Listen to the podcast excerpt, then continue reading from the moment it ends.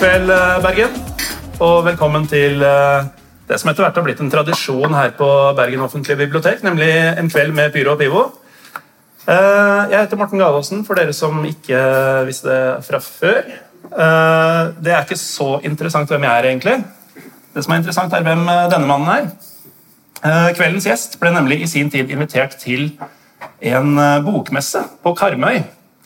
For så å få den invitasjonen trukket tilbake fordi arrangøren fikk for seg at uh, dette er en ellevill og useriøs guttebass. uh, står det skrevet på internett. Og Den karakteristikken er en av mange grunner til at eh, jeg har forsøkt flere ganger å få han med meg her i Bergen, og alle gode ting har vist seg å være tre. Ja, er det ja. For i dag, Knut Høybråten, så er du her. Det er jeg, vet du. Er, takk skal du ha for at du inviterte meg. Jeg har hatt lyst til å komme de andre gangene også, men da har det vel Jeg vet ikke hva det har vært, men det har vært noe viktig. My, mye mye viktigere, antageligvis. Ja, jeg, hadde, jeg hadde jo lyst til å Ja, mye viktigere. ja, det må ha vært det. Jo, men det har vært jakt, og det har vært Det er uh, det for så vidt i dag òg, Reisatur til Albania var en grunn en gang. det er jo absolutt, eh, absolutt viktig. Så det er i hvert fall innimellom en veldig sånn pyro og pivo etter grunn til å ikke være med på pyro og pivo. Definitivt. definitivt. Jeg elsker jo, jeg elsker jo podkasten din. Jeg syns han er helt, eh, helt strålende på alle mulige måter. Det er jo utrolig mye fine folk og med masse kunnskap og mye sjuk kunnskap. og Mye sånn random kunnskap. Så Det er liksom, eh, det som er litt gøy med dette, er at eh, folk vet, eh, eller snakker om helt andre ting enn det som vanligvis er i, i fotballstudio. eller sånne type ting. Det er helt sånn på siden, og det, det elsker jeg. Så jeg regner med er mange sånne gærninger i salen her i dag. Ja, En av de tilbakevendende gjestene i podkasten, Trym Hogner, han har en standardisert reaksjon hver gang det kommer noe skryt på Twitter eller noe sånt av noe jeg eller han ifølge internett har gjort riktig. Og det er å si det er mye gærninger der ute. Og Hvis du ser utover landskapet her, eh, Knut, så er det helt åpenbart at det er mye gærninger i Bergen også. De fine. Så velkommen skal dere også være. Og eh, en ordentlig velkommen til da kveldens gjest, forfatter Obayas Knut Høybråten.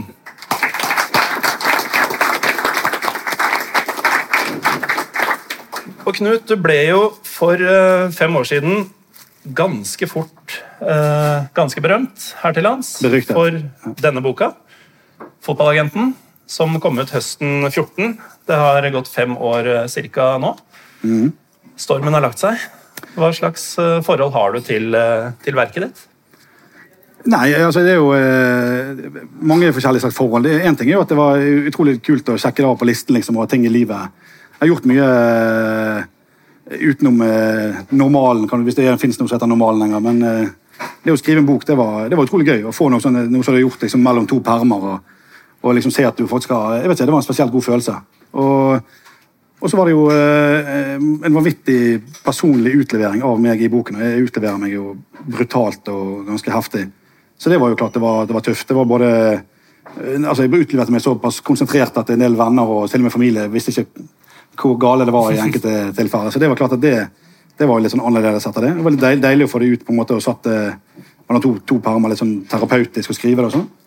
Så var det utrolig kult. Jeg, jo, jeg elsker jo for eksempel, eh, jeg er jo helt avhengig av likes på Facebook. Sant? Det er jo liksom noe det jeg gjør. Jeg, jeg jobber jo knallhardt med å finne liksom morsomme quotes eller legge ut bra bilder og få ting på Facebook som gjør at jeg får mange likes. Sant? Hvis jeg har, en, jeg har en sånn guilty greie at eh, hvis jeg har fått under liksom 50 likes på en time, da sletter jeg innlegget. For jeg føler at da, da er ikke, det, ikke det verdig. Da er det flaut. liksom, på en måte sånn.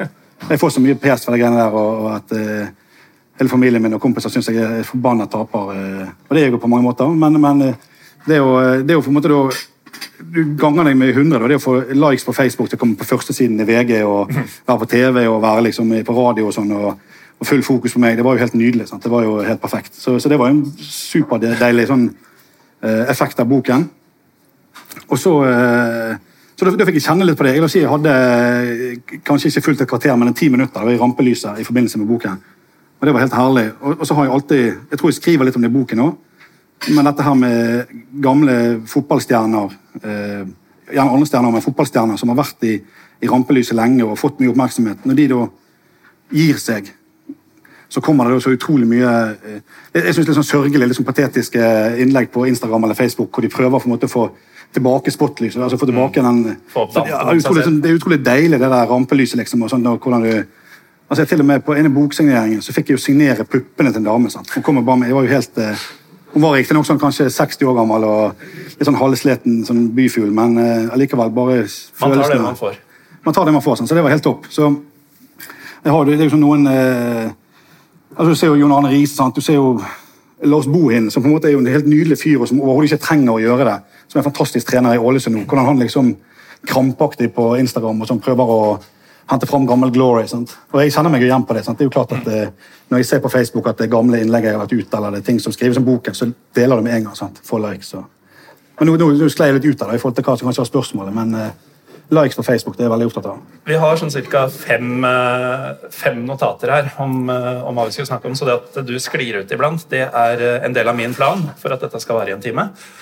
um, men altså, bare sånn for ordens skyld, du skrev jo helt åpenbart boka selv. Dette er ikke en biografi noen andre Nei. har skrevet for deg? Nei, jeg skrev den sjøl bl.a. i i fylla, holdt jeg på å si. Jeg skrev den uh, Det var liksom det var, det var faktisk uh, mange av de gode, gode kapitlene, eh, men mange av kapitlene i hvert fall, de kom eh, sent på natten. Du har gjerne tenkt på det lenge. Sant? Har gått og, og grublet på hvordan du skal skrive det, og så bare fikk du ned på papiret. Jeg har eh, flyttet på en, sånn, en gammel gård inne i Samnanger utenfor byen.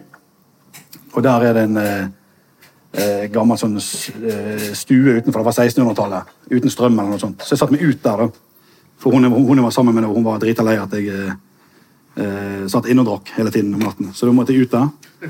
Og satt der, og der, der satt jeg og skrev. Og så sendte jeg jo da altså Det begynte med at jeg skrev eh, to kapitler liksom om noen elleville eh, jeg, prøvde vel egentlig å skrive litt mer sånn så altså Fair and loading i Las Vegas. altså den type journalistikk, altså, Ikke journalistikk, da, men å skrive om alt utenom. Ikke akkurat selve det som skjedde i fotballmatch, men det som skjedde litt rundt og liksom bak mm. kulissene. og sånt. Så jeg skrev to kapitler og sendte det til fem forlag. Og så fikk jeg svar for alle fem dagene etterpå at alle ville, alle ville gi ut boken. Eh, men jeg hadde bare skrevet to kapitler. Sant? så jeg, det var bare på en måte, Jeg vet ikke om det var i fylla, men jeg skrev i hvert fall ganske kjapt og greit.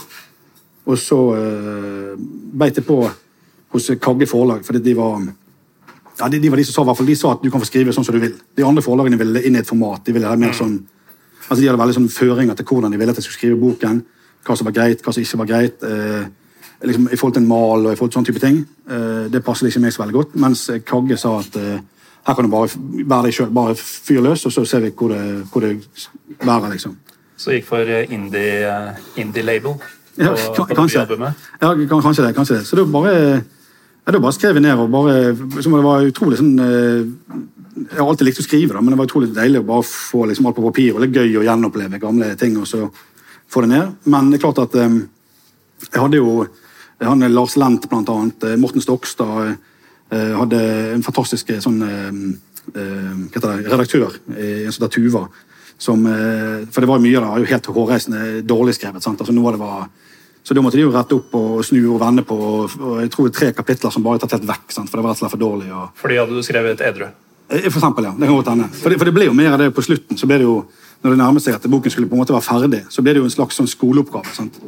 For da var jo alt liksom, da var jo bilder coveret tatt, det var liksom lansert i høstlanseringen at den skulle komme. alle disse tingene her. Men boken var ikke ferdig ennå.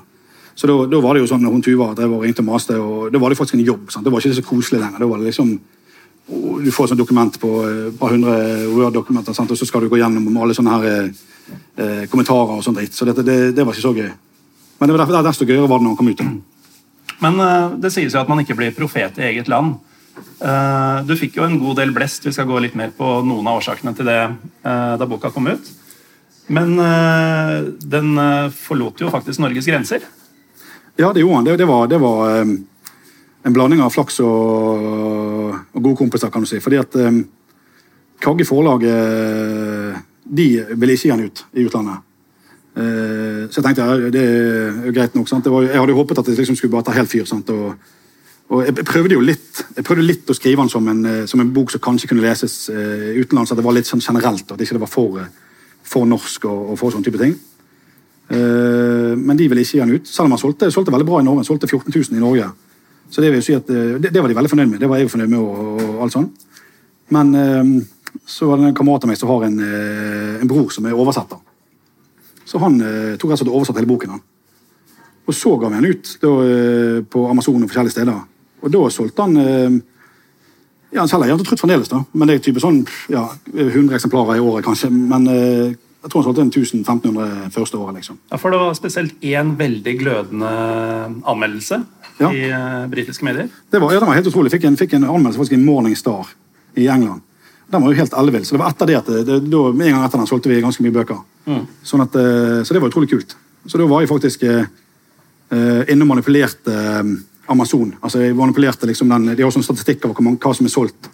Og så fant vi ut at hvis du gjorde det på det og det tiden på døgnet Hvis noen andre kjøpte for å si fem bøker en halvtime før, så kunne du inn og kunne se hva er de mest solgte fotballbøkene i verden. Og så sto det øverst siste fem minuttene. Sant? Så kom vi inn på syvendeplass, liksom. og så sto liksom Ronaldo og Zlatan over der. Men vi tok vekk på bildet så tok vi vekk at det var de siste fem minuttene.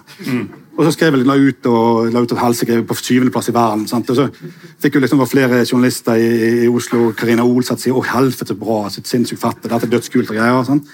Og det fremsto nesten som jeg hadde solgt si, 100 000 bøker. Sant? For en sånn Jo Det var nesten hakket før New York Times. Men da tror jeg det var syv-åtte bøker jeg solgte den. Og de hadde kjøpt, jeg hadde kjøpt, jeg hadde kjøpt de sjøl. Sånn at, eh, så når jeg sier 1500 bøker, så kan det godt hende at det reelle tallet kanskje er 700-800, og så resten er kompiser eller jeg som har kjøpt. Hva, var det å manipulere markedet noe du lærte som fotballagent? Ja, ja, absolutt. Jeg tror jeg vet hvor du vil hen, men det er helt klart. Ja, men det er jo en sånn spill, det er jo en sånn dans, en dans på en måte med Ikke markedet, men altså media. da, som, måte sånn- Det er jo litt sånn artig. Eh, spesielt et eksempel som jeg også skriver om i boken, er jo når eh, eh, han godeste, eh, godeste Pjotr Lesijevskij, keeperen i, så han var keeper i Sogndal da. Jeg, jeg ville jo ha han til, til Brann. Jeg var agent både for han og for Kenneth Udius i Brann. Eh, Kenneth han slet med både det ene og andre, og, og spilletid spesielt. Og, og Pjotr han, han mente jo som keepere flest at han burde jo spille på ja, bedre lag enn i Real Madrid. eller spille på noe skikkelig bra kanskje Universet. et eller annet. Hvis det fantes noe enda bedre enn Barcelona, så kunne han spilt der.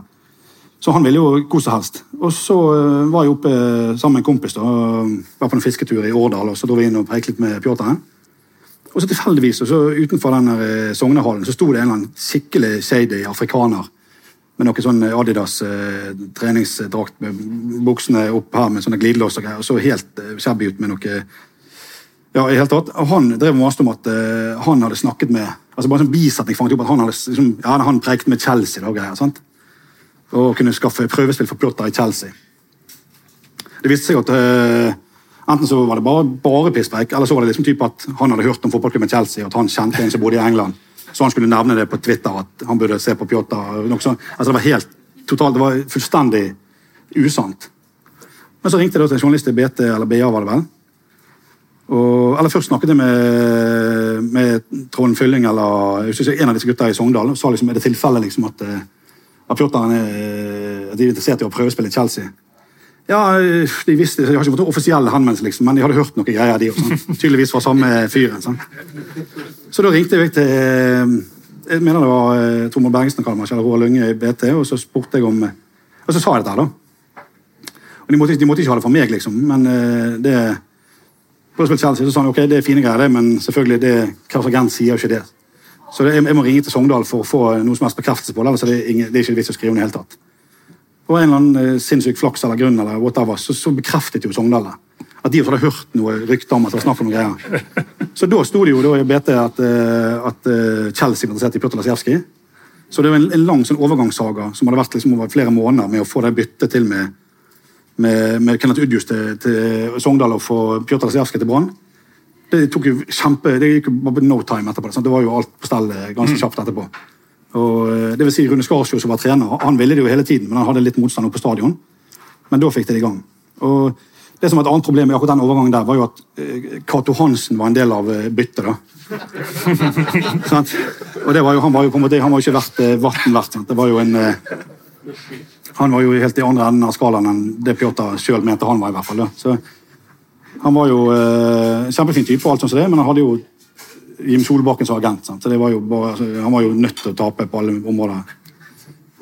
Altså, Greit nok at Jim Solbakken har noen gode spillere, det er ikke det mener, men eh, jeg er ikke så glad i han. Men Mer om Jim etterpå. ja, det kan vi se etterpå. Men, men i hvert fall, han eh, altså Det drøyde veldig, da, fordi at eh, Brann og Sogndal var enige om verdi på måtesettingen av Kenneth Udius og Pjotr. Liksom, at det var mellomlegget og sånn som det.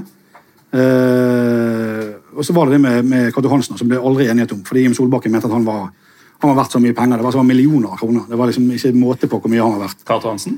Ja, så det var liksom, det, og, det, og det strandet hele avtalen i ukevis og månedsvis. Og sånn. Og, og Jim Solbakken var jo ikke mulig å få tak i. Jeg var jo forbannet, sant? for jeg skulle jo eh, få agenthonorar. sant? Og alt dette gikk jo i dass hvis ikke det gikk i orden. Og For han, Jim Solbakken så var det selvfølgelig en, en helt uinteressant overgang. U uansett, sant? Han, han tar jo mye større overgang enn dette. her. Dette var jo en, en filleovergang. sant? Men han giddet liksom ikke å bruke tid på det, og de gangene han brukte tid på det, så det eneste han sa bare at nei, det er bare å glemme. det er alt for, Han skal ha mange millioner og så videre. Så, men til slutt så gikk det i orden. Og, altså, Kato Hansen har vel ikke spilt fotball siden, men, men, eh, men det gikk i hvert fall i orden. Og Pjotr var jo kjempegod, og Kenneth ble jo kåret til årets keeper i Norge etterpå. og Gikk jo faktisk til Lillestrøm til deg. og i hele tatt. Så jeg, jeg, det er jo kanskje en overgang litt sånn eh, Hva, hva da? Hvorfor så du så Nei, jeg bare var veldig koselig. fikk flashback til Udius i Lillestrøm-buret. Ja, det var ikke så kos. Det ble litt kaldt her nå. Jeg har faktisk hatt to. Jeg har hatt uh, Sead Ramovic òg. Du vet Lillestrøm. Ja, det var gøy. Eller, ja, det, det er jo gøy. Men det er jo fordi at han er, han er jo galen og fin. Ja, som sagt, det var gøy. ja, gøy, gøy. Um, men uh, du, som du sier, i boka så utleverer du deg selv noe voldsomt, og du karakteriserer jo deg selv som både en lurendreier og skøyer og gudene veit. Uh, og en av de tingene du sier, er jo at uh, norsk fotball framsto på utsiden som uh, ganske profesjonell, at folk visste hva de drev med, at det var systemer på plass og sånn, men at det var veldig amatørmessig, at det var noe du skodde deg på. Hvordan var det bak fasaden? Ja, det er, jo, altså, det er jo selvfølgelig noe som jeg har Altså, Nå koker du det ned til uh, en fin sånn quote, sant? Men, altså, det, var, ja, sant? Men det var ikke, det var ikke, det var ikke, det var ikke amatørenes aften. Men jeg vil si at det var kanskje mye, mye tilfeldighetenes aften da, i mange sammenhenger. At istedenfor å, å Altså nå er det jo faktisk blitt en, eh, altså De opplevelsene jeg skriver om i boken, er jo hovedsakelig fra 2004 til 2011-2012. Og, og på den tiden der, selv om det høres veldig kort tid siden, så den, den gangen hadde jo nesten ingen fotball Det var Rosenborg som hadde en speider. Ellers så hadde jo eh, ingen av de norske klubbene egentlig noen speidere som, var, som var lønnet og som fløy rundt. sånn. Det var jo hovedsakelig sportsdirektørene som tok seg av alt som hadde med spillere å gjøre. Sportsdirektør og direktør og trener. Og det har du omtalt som en uh, skandale. Ja, jeg, jeg vil jo si det, i den, det, det jeg mener på mange måter fremdeles også i enkelte overganger du ser. Det er jo blitt veldig mye bedre. og Nå har jo til og med klubber nede i, i Adecco-ligaen eller Obos-ligaen har jo også speidere etter hvert. sant? Eh, jeg vet ikke en gang det sto et eller annet sted at sånn som Chelsea har jo gjerne ikke lønnet det, men de har opptil 1000 speidere sant? i- på verdensbasis. I nettverket sitt. I nettverket sitt, sant? som på en måte er, er, som jobber på en måte for Chelsea da, primært. Så klart at eh, Da burde i hvert fall eh, klubber som Brann ha én, liksom, eh, tenkte jeg. Så, men, men jeg vil jo si det er skandale i den, den forstand at eh, enkelte overganger har vist seg å være selvfølgelig, Det er jo ikke alltid du kan treffe blink hver gang, men noen overganger kunne, du jo, kunne jo hvem som helst sett på lang lang avstand. og at dette kommer til helt til helsike. Hadde du lest en avis eller bare åpnet Google og søkt på spilleren, så hadde du mest sannsynlig sett at dette er bare tull. sant?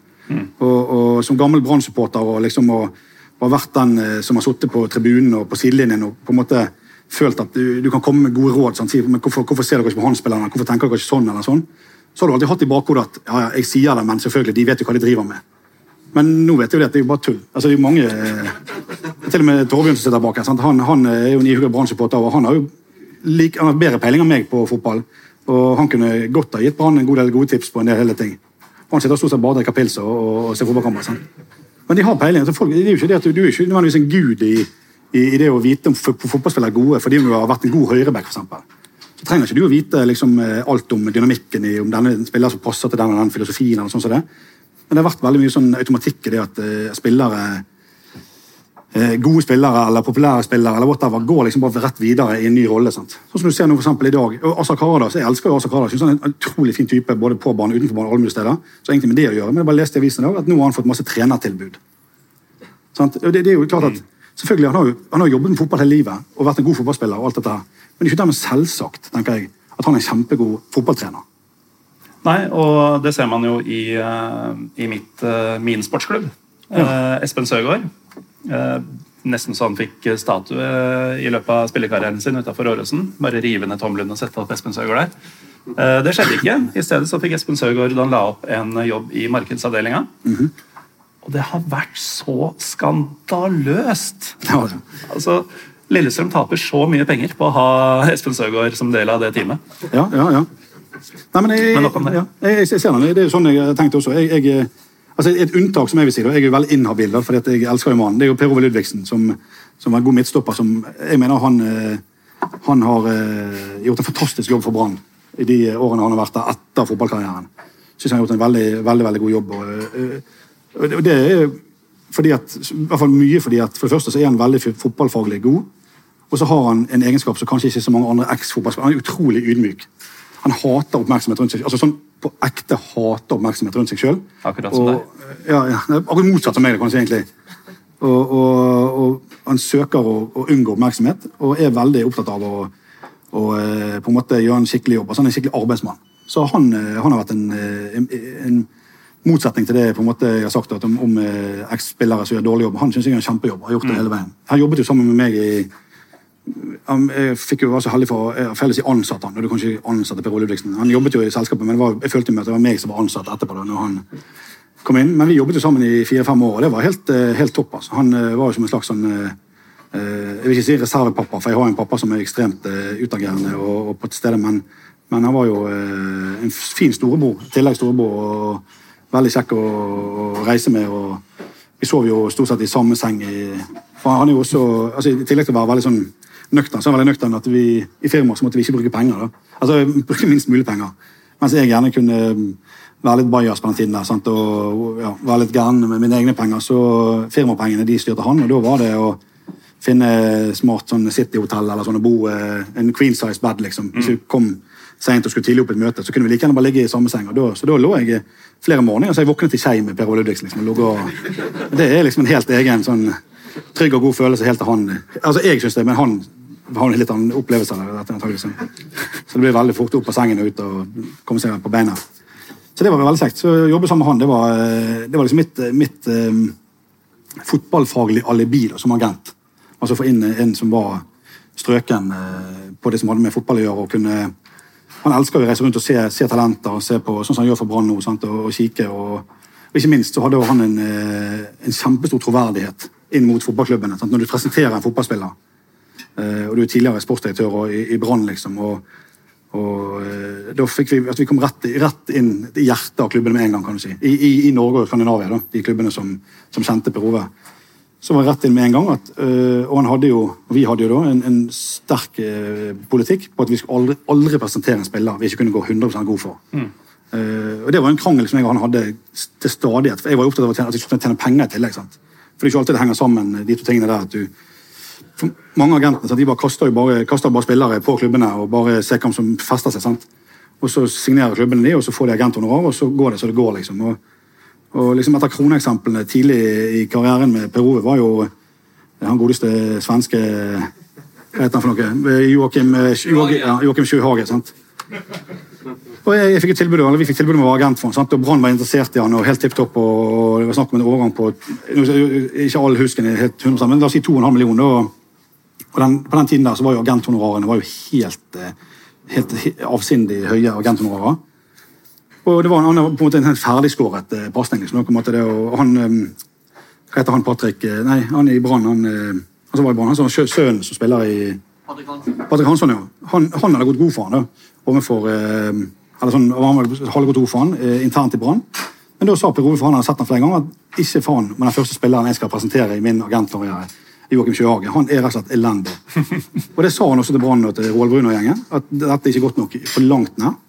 Eh, så måtte vi si fra oss han som agent. da. Jeg var jo steik forbanna på Per Ove pga. det. Og så signerte jo Brann han, da. Og der, han agenten, husker ikke om Patrick Mørk eller hvem det var som var agent for han da, fikk pengene og alt det greiene. Men han var jo en blodfiasko. sant? Det var kanskje verre enn Mika Kottela. og det var liksom altså helt... Eh, altså det var, Han hadde ikke personlighet. engang. Det var kjempefiasko. Og, og masse penger ut av vinduet. og, og eh, sånn at, så, så det var, det var sånn sett var det utrolig fint å ha med Per Ove, for du fikk jo en, etter det så så jo at den strategien han hadde, var jo briljant. For da var vi jo altså vi, var, I motsetning til mange, mange andre agenter, når- de ringer til en fotballklubb, eller sånn, så må de gjennom flere filtre. Sant? Gjennom eh, resepsjon, gjennom eh, sportsdirektør, de vil ikke snakket med, altså sende mail, whatever. Og ute med Per Ove så var vi istedenfor det, så ble vi invitert hjem til trenerne og gjerne drikke øl og sove på gjesterommet. sant? Eller på eh, rommet til ungene. whatever. Det, det, så det var litt annen, Vi var liksom inne i varmen på en skikkelig måte. da. Så det var veldig, veldig, veldig, veldig bra. for å si sånn. Jeg klarer ikke helt å gi slipp på dette med senga til Per Ove Ludvigsen. Oh, ja. Hvilke andre spillere har du sovet i samme seng som? Ja, nå, jeg, kan, jeg kan jo jeg, jeg kan jo, ja, kan jo, kan jo si noe. Sant? Du får, nå, jeg, har ikke sagt det, men det sitter jo faktisk, David Vatne sitter jo i salen her og hører på.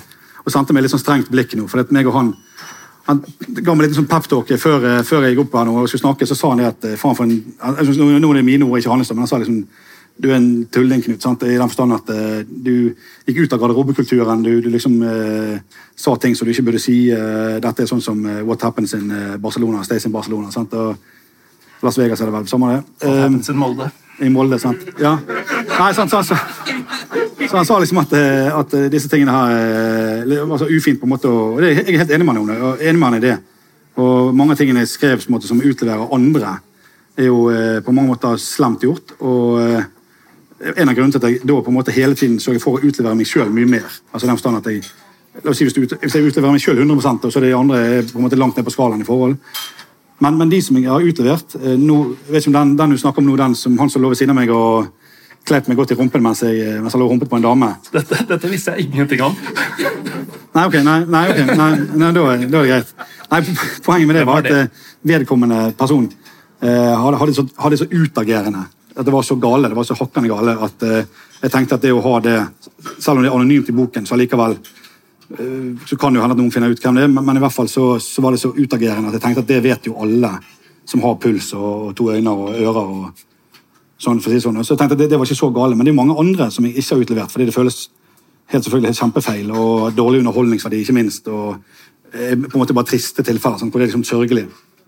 De som er utlevert, er gjerne ressurssterke personer som bør ha rygg til å, til å ta det. på en måte som ja, hvis du skjønner, eh, vet ikke, David Vatn ser fremdeles strengt for meg, men, eh, men jeg prøvde i hvert fall å Nei, jeg ser ikke strengt, men han ser, han ser, han ser er ja. Nei, poenget, poenget er at eh, jeg, jeg skulle selge bøker, sant? det var det jo, sant? for jeg er jo basically eh, a nobody. Sant? Jeg, er jo, jeg er jo ingen. Og eh, Greit nok at vi, vi hadde mange gode spillere, og vi, vi gjorde det kjempebra økonomisk de årene vi holdt på. og det var, helt, det var kjempegøy, og alt det greiene, men vi, jeg er jo ikke noe Raja Minola eller jeg har jo ikke liksom Pogba og de gutta der hadde de på, i salen min. Sant? Så jeg måtte jo liksom dra i gang det beste jeg hadde. altså Finne liksom godsakene for å få noe krutt rundt det og, og få solgt boken og få noe blest rundt det. sant? Eller så kunne det bare bli en bok som bare kokte bort i, i kålen til masse andre greier. Det var jeg ikke interessert i. Jeg ville jo helst uh, selge. Så da måtte du på en måte dra opp knipene litt. Og så hadde jo, som sagt, det var flere kapitler som ble droppet. Det var vel, Ett av dem var for dårlig, eh, ett av dem var for drøyt. Og det tredje det var rett og slett at jeg, altså, jeg kriminaliserte meg sjøl så jævlig. at, eh, at det hadde vi, han, Jon Christian Alden han leste gjerne boken flere ganger, og så sa han at dette her er så drøyt at, eh, at her, eh, altså det du tjener på boken, det går var rett eh, til noen andre altså si sånn, statlige organer. Liksom. Så det var like greit å det. Så det tror jeg faktisk slettet fra PC og brent. og alt det, Jeg tror i hvert fall det. Så, så jeg vet ikke hva spørsmålet ditt egentlig var. Hva var det? Eh, nei, jeg ville vite hvilke andre Nei, og jeg spiller, jeg spiller. Så nei, nei, nei. Men jeg, eh, hadde ikke Davin vært her, så kanskje hadde jeg røket på en liten sånn smell nå og sagt at kanskje han Uff, jeg vet da faen at- at han jobbet i et møbelkonsern i dag. eller et eller annet sånt som det der. Men, men eh, det gjør jeg ikke. Det lar jeg ligge. Jeg lar ligge. Han har ikke vært med å eie et møbelkonsern? eh. Ja, nå, nå kan jeg ikke strekke strikken lenger. Nei. Det er ingen som, eh, ingen som tar denne. Nei, nei, nei. nei. Men eh, vi må, vi må bare ta en liten stopp her, fordi det er ganske det du nevnte. Davy Vatne sitter jo faktisk i salen her og hører på podkast. Og ved siden av Davy Vatne så sitter en fyr med en T-skjorte hvor det er et Davy Vatne-sitat. Flytt armen din litt. Der står det 'Livet er for kort til å høre på podkast'. Davy Vatne. Den har Davy i kveld signert mens han eh, gjorde seg klar for å høre på podkast. Så Det er livet, livet er lenger enn Davy tror. Livet lenger enn to. Men Davy er en av de nyligste menneskene som går på to sko i, Bergen by. Sant? Og det er jo helt Um, altså Bare det å eh, prate med han i fem minutter i baren i sted sant? Det er jo, eh, Han kjenner min far, sant? og det bare auser over med, med godsaker og galskap. og sånt. Så jeg, som jeg sa til han, jeg skulle veldig ønske at han skrev en bok, for det, det er en bok jeg hadde lest opp igjen eh, ukentlig. for å si det sånn. Uansett nesten hva han hadde skrevet om. Han har jo skrevet andre bøker, men hvis han bare hadde sluppet seg løs og skrevet en, eh, en David Vatne-bok, så eh, han kunne bare vært bildet seg sjøl og så bare skrevet David Vatne. Det trenger ikke å hete noe annet. Så det, så det, det tror jeg alle er enige med. For han er en, en fantastisk fyr. Nå skryter jeg av han, men han er, han er fin. Han er det. Ehm, karrieren din som fotballagent var jo også fin, virker det som. Eh, du virka som du hadde det gøy, du tjente masse penger eh, innimellom i hvert fall. Ja. Brukte masse penger. Du, ja, du, du fikk brukt, eh, lært deg å bruke masse tjuvtriks og manipulasjonsteknikker, og hadde det som fisken i vannet, kunne det virke som. Hvorfor eh, ga du deg? Nei, det, det, er jo, det er en, Hvorfor jeg ga meg, jo en, det er jo en del av boken, så på slutten av boken, men det er ikke sånn da burde vi heller hatt det litt sånn senere, litt, kanskje en litt sånn eh, fransk, eh, litt sånn kjip, eh, mørk pub. eh, med alpeluer og sittet og drukket rødvin en god stund før vi begynte å gå inn på de temaene. Så det, kan, det, det passer ikke så godt her. Det, er mer sånn, Du kan lese boken, og så kan du ta det med deg og så kanskje le litt og gråte litt og så runke litt, og så er på ferdig med det, kan du si. Så det, men jeg ga meg i hvert fall. det Jeg ga meg i hvert fall. Det, Apropos runking. eh, du, var, eh, du var på det er ganske drøyt at du fanger opp den som en Og så ser du ned på pod, altså du har notert noe i forbindelse med det? Du, du var en tur på La Manga.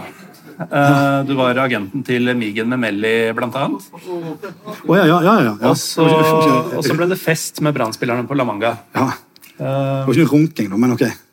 ikke som du vet om. Nei, nei det, det, det Kanskje du inspirerte noe? Hva, hva skjedde den kvelden? Jeg liker tanken din. Det, det, det er faktisk noe, Når du sier det på den måten, jeg har ikke tenkt før, men når du sier det sånn, så kan jo det i forhold til egoet mitt, så er det deilig å tenke på at kanskje Brann-spillere har runket etter meg. Det, eller det er jo ikke deilig å tenke på, men, du tenker på, men, eh, men det fall, i senga ja, men det er en sånn ny måte å bli smigret på. Jeg vet ikke, det var, I hvert fall, jeg, var på La Manga med Migge Memelli, og da, eh, da var vi eh, Hvordan var det? Jo, eh, det var veldig kos. Mons Ivaren var trener. det var jeg kjenner jo Robert Hauge og Kjetil Knutsen. og de var den, Det var kjempekos og Per Ove. Det var god stemning. og alt sånt som det. Og Jeg tror vi var der borte en ukes tid og hang litt med de. da, og Migen prøvespilte. og, og tatt med meg fra Albania. Det viste seg etterpå at De hadde, hadde ikke lov å ta med meg fra Albania, for klubben visste ikke om at han var på prøvespillinga. Så så det, det var en litt annen side av historien. Men eh, han var i hvert fall med der. Og spilte jo bra, faktisk. Han skårte vel kanskje sitt eh, sitt, eh, ikke sitt eneste mål, men han skåret i hvert fall mål i første kampen her mot KR Reisavik, tror jeg det var.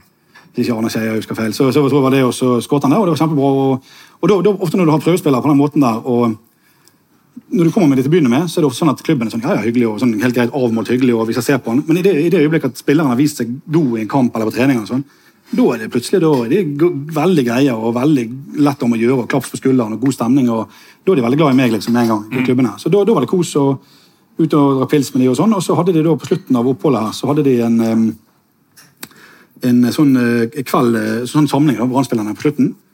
Hvor de da, eh, Sånn standard de har hver gang de er på La Manga. og da, og da eh, skal blant, blant annet De nye spillerne de som er signert det året, de skal da opptre da, på en eller annen måte. Eller eh, gjøre et eller annet. Ja, da, på en måte. Gjøre et eller annet den, i den lukkede forsamlingen.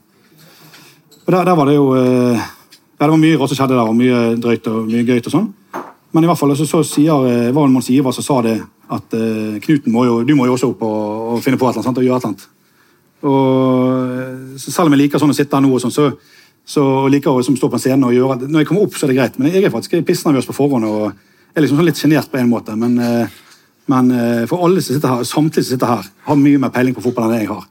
Og da føler du liksom idiot når du kommer her og skal snakke om fotball, og så vet du at alle i salen har mer peiling på det. Sant? I hvert fall, Jeg kan være litt sjenert, men i hvert fall da så tok jeg Og da gjør du kanskje det motsatte, sant? sånn som jeg gjør nå, snakker fort og sånn. Da gikk jeg opp på scenen, og så begynte jeg å strippe. Istedenfor. Oppe, oppe, på, oppe på bardisken, og gikk frem og tilbake på bardisken og, og, og strippet. Og, og da hadde de andre gutta de hadde jo sunget kanskje en sånn sang litt falskt, eller, sånt, eller gjort et teit, noe sjonglert noen appelsiner eller sånt. piss. Så begynte å strippe, da, og da, da, eh, da var det god stemning. På, på en litt sånn rar måte. da. Altså Det ble det ble blanding av kleint og deilig og, og gøy og kjipt og alt sammen. Så du skulle gjøre én ting foran folk, og urinstinktet var 'jeg stripper'. Jeg, jeg, jeg gjorde det en annen gang. Jeg jobbet i Flyspesialisten eh, som budbilsjåfør da jeg var 18 år gammel. og da var Det mye sånn her, det var kun damer som jobbet der utenom meg. Og Den gangen så var jo alle sånn, reiseselskapene, hotellene og alt, du fikk jo sånne gratisturer hele tiden. Sant? Var masse hoteller rundt omkring. Konkurranser og dritt. Og da var det oppe på hotellet Albert Grieg her i byen. Sant? Sikkert 1000 mennesker. Eh? Alle fra reiselivsbransjen. Og så skulle vi, hvert av byråene skulle finne på noe. Ingen som torde å gå på scenen. Så sa hun sjefen kanskje du går på bare Jøtland Knut. Så gikk jeg på med helt naken på scenen. for 1000 mennesker. Så, men nå vant jeg en tur til, til Glasgow med Widerøe. Så det var jo sånn, eh, så jeg fikk jo liksom eh, Så, så det på en måte tilbakemeldingen var at det var helt konge. Sant? At det Så var du, helt, du ble belønna for å strippe? jeg ble belønnet for å strippe, rett og slett. Så jeg har faktisk strippet for penger, på en måte. Da. Så egentlig, basically har jeg faktisk gjort det. Ja, det, ja, det, var- det, ble, det ble jo til en fotballtur faktisk, til Glasgow og tjo her nede. Det er jo en annen historie. Ikke sånn kjempegod historie, men det var noe den. Nei, det var bare sånn classic sånn horer og altså, ikke, Men du skjønner, litt sånn eh, Det var en kompis av meg som var med, og han er jo gift og, eller på vei til å skille seg, tror jeg snart. Men uansett, han, eh, han, eh, han var med, så vi bare lar han ligge. Men det var, det var en klassisk fotballtur. da. Kjekt og jeg tror til og med en supporter som ble drept den helgen. og alt. Så det var liksom, Du hadde alle elementene. Hadde alt du trengte. Ja, ikke Drapet kunne vi vært foruten, men uh, når du først skulle ha drap, så var det greit å ta den helgen jeg var der. liksom, sånn, for, for å få liksom trøkket. Hva så du?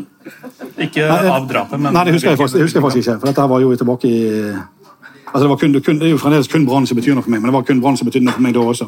Så det var mer sånn at det eneste jeg interesserte meg da, det var bare tribunekulturen. Mm. Så hvem de spilte mot der, hva jeg, vet ikke, jeg vet faktisk ikke om vi var på kampen engang. Jeg husker bare, vi, vi var i gatene der, og det kunne ikke gå med hvis du gikk med i feil fargene. og sånt, det var, det var ganske alvorlig hvis du gikk for feil, feil plass med feil farge.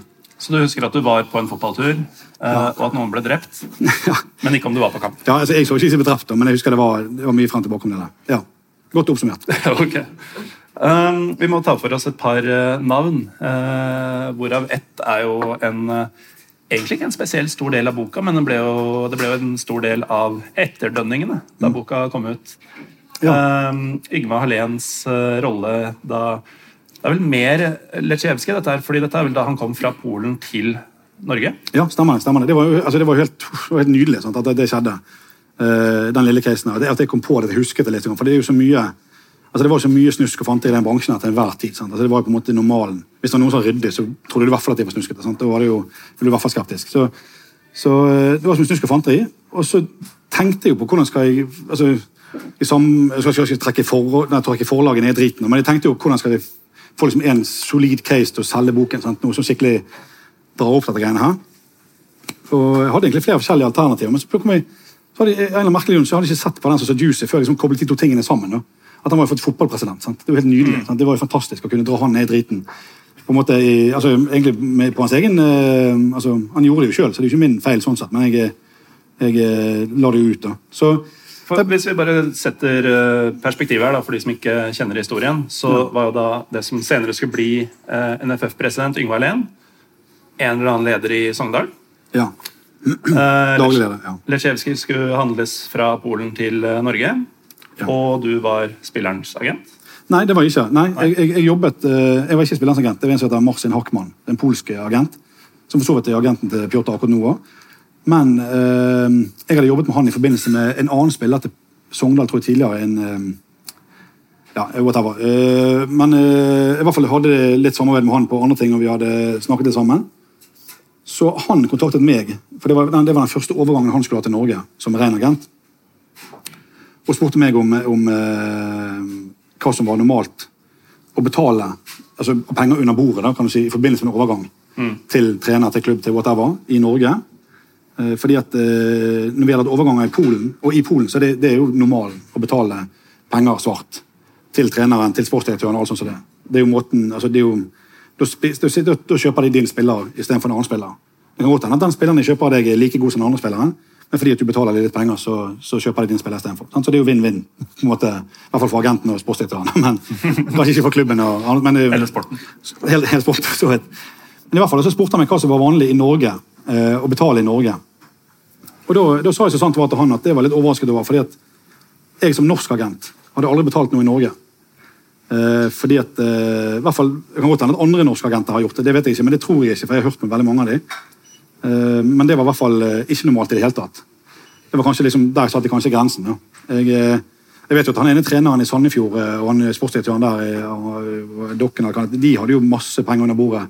når han, hva var, han- hva var, hva var, var en trener fra Bosnia, tror jeg. eller sånt. Kjøpte kun spillere på den måten. Og, og, så det var litt samme greien. Men, men her i tilfellet her, for ikke å skli helt ut, var, så spurte han meg da hva som er vanlig å betale. Og jeg sa det, det har jeg ikke peiling på. Det kan ikke jeg si, det vet jeg ikke. Eh, Det må du nesten bare høre med dem. De, nei, for de, de, hadde, de, hadde bedt om, de hadde bedt om penger. da. Sogndal. Sogndal, ja. Han sa, sa ikke hvem som hadde bedt om penger, eller hvordan det var, men sa de hadde bedt om penger. Eller han, Det som han på en måte omtalte som sportsdirektøren, eller direktøren, eller pres, presidenten, som det heter i utlandet. da. Greit nok, det. Eh, så snakket vi om det etter overgangen var i orden, bare så vidt. og Vi hadde en samtale om det på telefonen. Ja, det gikk i orden, og vi betalte noen penger og sånn som det. Det var greit, ingen problem. Glemte helt den saken der, frem til jeg eh, hadde begynt å skrive boken. Eller sendt inn, og så tenkte jeg dette her er en god case. Men det er jo altfor alt for far out til å kunne på påstå noe sånt mot fotballpresidenten uten i å ha noe bevis på det. Sånn, så jeg, meldte, jo med han og Marsen innimellom. Sant, det var sånn, ja, hello, sant, og Hva spillere trenger du i Norge til høsten? Sant, det var det som var vanlig. Ja, sånn Spiss Bodø-Glimt, en midtstopper til Brann, whatever. Lagde Excel-skjema og sendte rundt i Europa og fikk spillere tilbake igjen. Sant, så du kunne presentere. Og Da hadde vi en sånn type mail av meg og Martin eh, i forhold til akkurat det. Og hvor jeg liksom bare en bisetning helt til slutt, etter å ha svart på liksom litt sånn spørsmål om forskjellig. Ja, forresten, husker du den casen du hadde i Sogndal når Pjotr gikk dit? og du spurte meg om det var mulig å, å eh, Eller hvor mye du skulle betale under bordet til eh, lederen i klubben. Hvor mye var det du betalte en gang? Husker du egentlig det? Og så svarte han meg tilbake en, bla, bla, bla, på det businessmessige og så videre, det som vi snakket om i forhold til fotballspillere. Og så skrev han nederst at ja, Knut, det der husker jeg. Jeg håper det blir mellom oss. Men det var Nå husker jeg faktisk ikke sjøl engang. Jeg har det på mail faktisk her, men eh, var det 15 000 euro eller 5000 euro? jeg tror liksom, det er 5000 det 5000, ja, 5000 euro. Sant? som var under bordet. Ja, supert, så takk skal du ha. Jeg og late som liksom ikke noe mer rundt det. Og tenkte, nå har jeg jo, nå har jeg beviset sant? Nå har jeg beviset på dette. Lang historie kort. Jeg, jeg skrev om, om, det som skjedde der. Skrev om at uh, de hadde fått pengene. Jeg, uh, jeg, jeg, visste ikke om det var Trond Fylling, om det var Yngvar Hallén, hvem som fysisk hadde fått pengene i Sogndal. Det, var, det visste ikke jeg. Uh, men jeg, skrev jo Yngve Helen, da. jo, men, men det, var, det var fordi at altså, han, han, sa det, men jeg hadde ikke, jeg hadde ikke noe skriftlig på det. Sant? For han, han, kan helt fint ha rotet det i forhold til om det var han eller han. Uh, jeg vet fra tidligere at Trond Fylling og meg og han, både Ditten og von Datten, så jeg visste i hvert fall hvor han lå i terrenget. Men, men, uh, men, jeg kunne ikke si med altså, Fordi om Marsin sa at det var Yngve, så kunne det like gjerne vært Trond eller en annen i klubben. Mm. Sånn sett. Men i hvert fall så, så skrev hun dette her, og, og Eh, det ble et eh, koselig, det var liksom på slutten av et artikkel om en sånn tur til Polen hvor vi oversvømmer et hotell og lager kvalm i Polen. det er mye sirkus der nede. Så er dette på en måte bare sånn slutten på det kapittelet. En liten sånn bisetning. Sant? Og det, eh, det, var det alle som var i avisene og media og Det var dette, det var dette de tente på. Sant? Det var dette her som var liksom, solide rosiner i pølsen i boken, sant? som virkelig var noe å skrive om. Pluss de andre tingene med stripping og kampfiksing. og det, sånne ting, så det er jo interessant og spennende. og sånn. Dette her var jo skikkelig dynamitt, sant? for det var jo fotballpresidenten, sittende fotballpresidenten.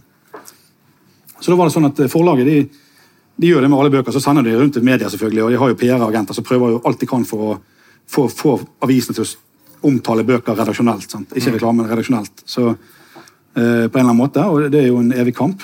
Og De har jo hvert fall, de har så mye triks i ludo og så mange under bordet og mye bekjentskaper og pilsinger. og tjohei, sant? og De er dyktige. Og da blant annet VG da, uh, var kjempeinteressert i saken og, skulle skrive om dette. her, og, Morten Stokstad og ja, hadde hele saken klar og alt var på stell. Og så sier han det at, Men i utgangspunktet, hvis, hvis nå PR-rådgiverne til Yngvar Hallén og Fotballforbundet er smarte, hvis han sjøl er smart, så sier jo han bare at når han blir spurt om disse tingene her, at Knut Høybråten, hvem faen er det? Hvem han er tulling? Jeg visste hvem han er engang. Dette er bare helt grunnløse påstander. Jeg har ikke peiling. Dette her, whatever, liksom. Bare la han kjøre på. Sant? Det er ikke helt interessant.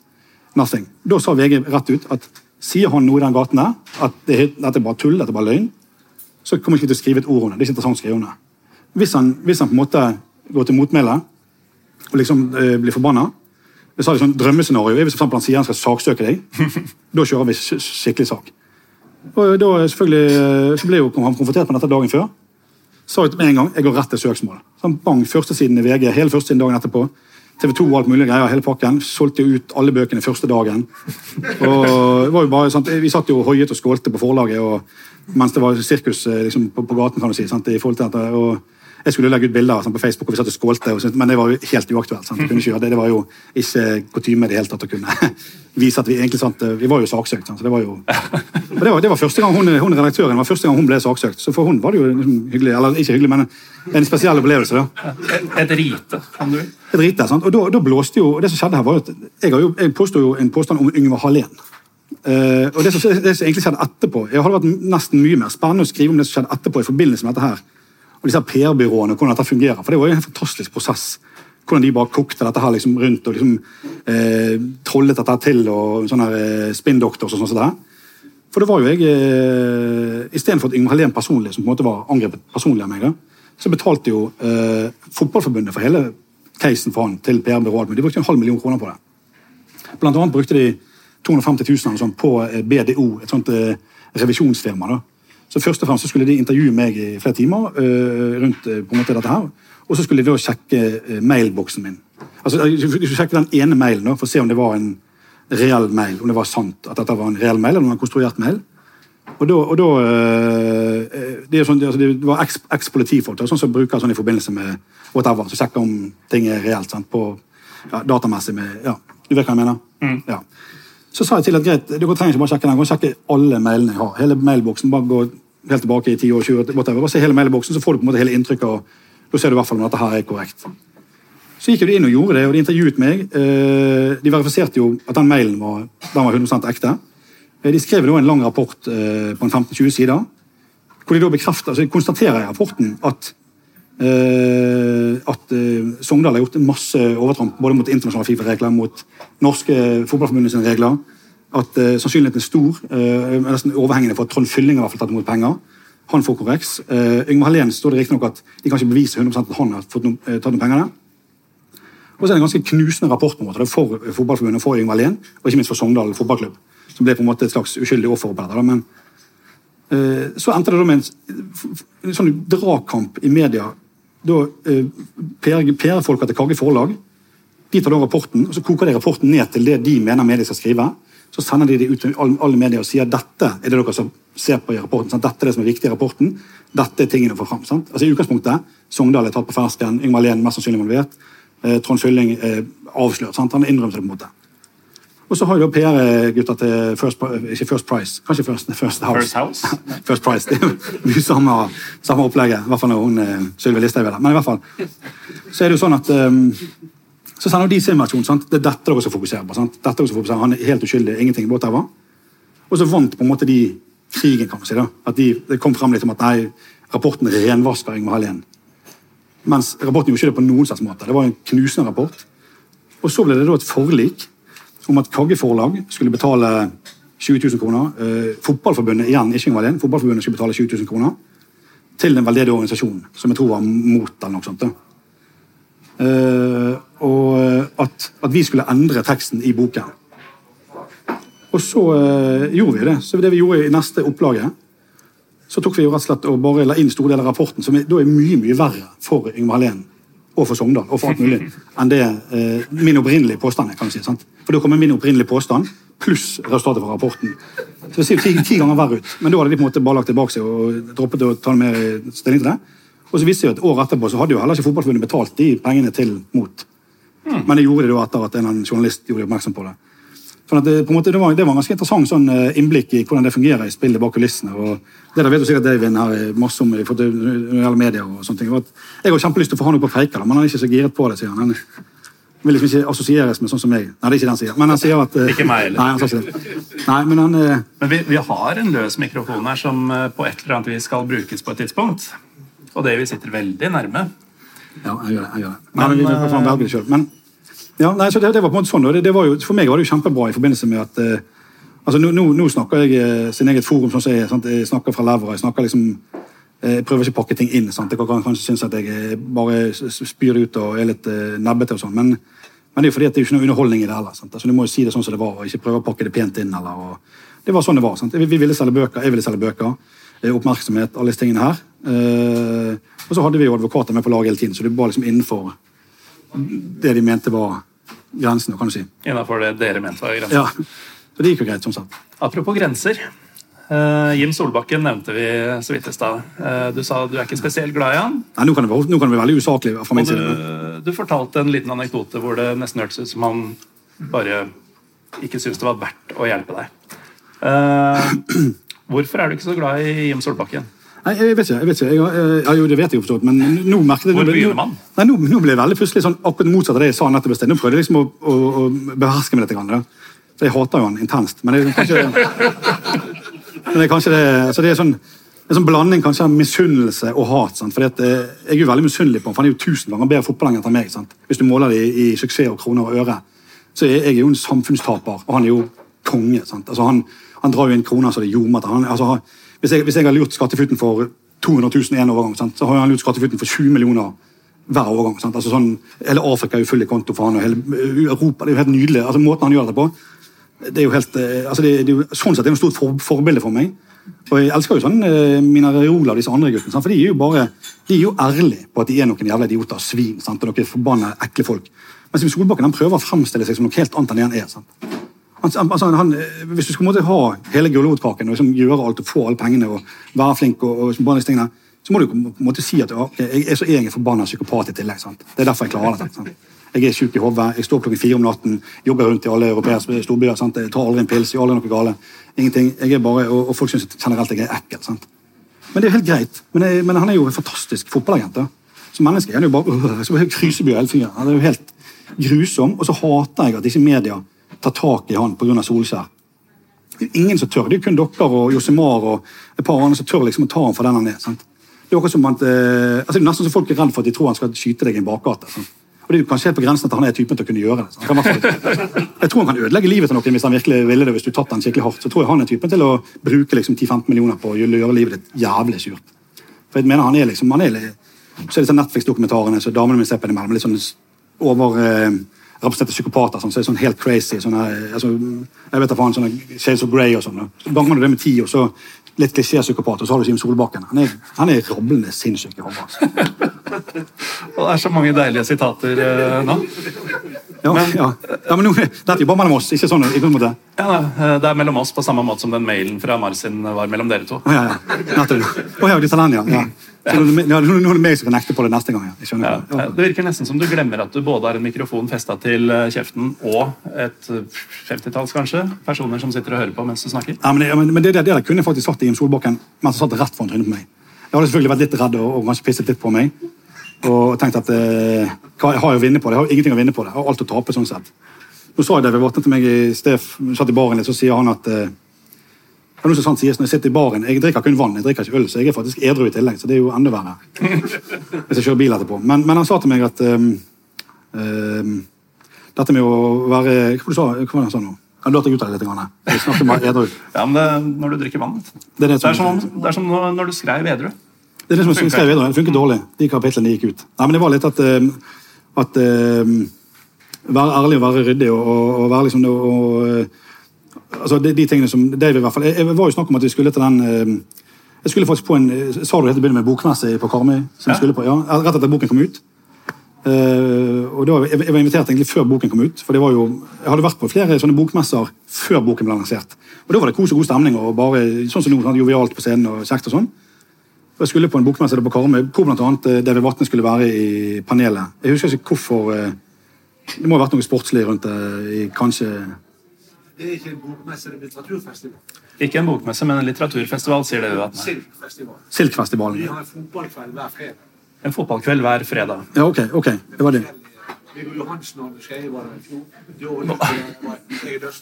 Nei, Nei, ja. Ok. Silkfestivalen. Eh, I hvert fall litt fotballrelatert. Og så der var det faktisk, Vi spilte på et, et lag som het Ragnarok eh, fotball. og Det var en kompis av meg der som hadde en onkel eller noe som drev denne festivalen. Han hadde fikset det. Så han fikk jo den litt sånn flaue oppgaven da, med å ringe meg jeg tror det var dagen før, to dager før, i hvert fall etter at boken var kommet ut, om at det rett og slett ikke var ønsket. Som, som du sa, sant? Og det, det, det var skikkelig kjipt. Det, det kjente jeg på. Det, var litt sånn, det, var, det kjente Facebook-likes-gutten min på. for å si Det sånn. Det var liksom ikke noe digg i det hele tatt. Og da var Jeg litt sånn, jeg gledet meg sinnssykt til å sitte med David Vatne. sant? Og, og, men jeg var litt redd for David Vatne òg, selv om jeg, jeg kjenner jo David Vatne fra før. Eh, Jeg hadde jo en deilig opplevelse med Davy, faktisk. eh, Var Per Ove Ludvigsen med på den opplevelsen? det er ikke mer rumpestoff nå. Nei, det er gode greier. Nei, men det var i hvert fall Vi hadde en fin, fin sak der. Men, men altså, jeg gledet meg veldig til det. sant? Og, og ned og, og sitte med han. Og, han er jo et forbilde, som jeg sa i sted. og Kjempegøy. og øh, Du blir jo giret av å, å snakke med han, og engasjert av å ha han i samme rom. og sånn. Så det var utrolig skuffende at jeg ikke fikk være med der. Og da, øh, ja, kjente jeg litt på det. Da kjente jeg på det, og det fikk jeg kjenne litt på øh, etterpå. Jeg hadde, jeg hadde- jo forventet at selvfølgelig at fotballkarrieren, agentkarrieren min ville være over da, når boken kom ut. Det var jeg fullstendig forberedt på. Men det var jo selvfølgelig i begynnelsen så var folk såpass usikre, til og med de som var glad i meg, det for å si det sånn, altså likte meg og syntes jeg var morsom og gøyal og kjekk. og sånn. De også ville på en måte distansere seg litt, grann, fordi at de var usikre på hvor dette bar hen. sant? Altså hva type, Hvor gale ble det? Men så ordnet det seg ganske greit. Og så når folk liksom, det roet seg og, og støvet la seg, og sånn, så trakk alle tilbake. Da var det god stemning og moro. og Folk syntes boken var kjempemorsom og vittig og syntes det var gøy og tidlig. og sånn. Selvfølgelig flere som sa sånn som Davy at eh, kunne spart det for et par sånne ting. Og Jostein Flo var litt sånn liksom, halvforbanna. Jeg sa at han satt og dreit. og liksom. Jeg, jeg hadde jo jeg hadde snakket med Jostein om det på forhånd, men et par sånne ting som det. Ingen skal vite at Jostein Flo driter. Nei, men det var ikke bare måten. Men, men, men, men jeg sendte det et kapittel til han, så det var greit. liksom. Men det blir noe annet når du leser det, sant? og folk ringer deg og sier at du driter sant? det er klart at... Jeg vet ikke, Men, det, var, det var i hvert fall gøy. Så, så det, det, var god stemning etterpå. Og det som har skjedd liksom, i ettertid, når alt støvet la seg, og alt var over, liksom, alt var greit, uh, så er det sånn at både spill, Jeg blir jo fremdeles kontaktet av mye spillere og klubber, og, og de ringer meg og spør om jeg har noen spillere og whatever. Og, og jeg sier jo stort sett nei, sant? fordi at uh, det har jeg ikke. Men uh, Men det som er deilig nå, det er litt etterhenget fra Per Ove og litt det som har vært etter boken, er at jeg, jeg føler at jeg har en sånn slags 100 tillit. Fordi de vet at jeg, jeg er på en måte litt for sant? Sånn at jeg gidder ikke å bøffe og Jeg jobber jo med andre ting eh, uten, uten, utenom i tillegg.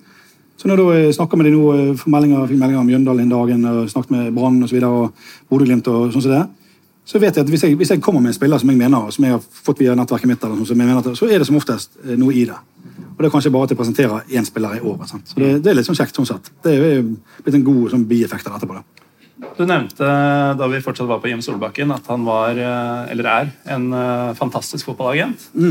Og en eh, fryktelig fyr. Ja. Kan man være en bra fotballagent og en bra mann samtidig? Ja, det, det, det, er mange som er, det er mange som er det, vil jeg si. Det er mange som er det. altså Det, det, det er det absolutt. Hva heter han godeste um, kosegutten fra Oslo, han som er på, på TV-valg? Hva heter han nå? Kosegutten, han er sånn litt lyn, gammel Lyn-fan. og åh, Litt ung kis. Litt ung kis. Så frekkas, er ikke frekkas, han er jo motsatt av frekkas, men han er fotballkommentator og litt mye hissig på Twitter. og Petter Bø Tosterud, Petter selvfølgelig. Bø Tostad, ja, ja. Ja, han ble tatt tidligere. Han, han, han er jo strålende. Han, han kom til meg og spurte om, om han kunne begynne å jobbe hos meg og Per Ove. Og hadde intervju med han på, eh, på eh, pastasentralen eh, i Bergen. Ganske sånn fancy, fancy kjappe med sånn 40 kroners pastarett til hele gjengen. Men han, var så fin og så deilig og så nydelig liksom, som person. og sånn, Du så bare passionen altså, han var så ekte.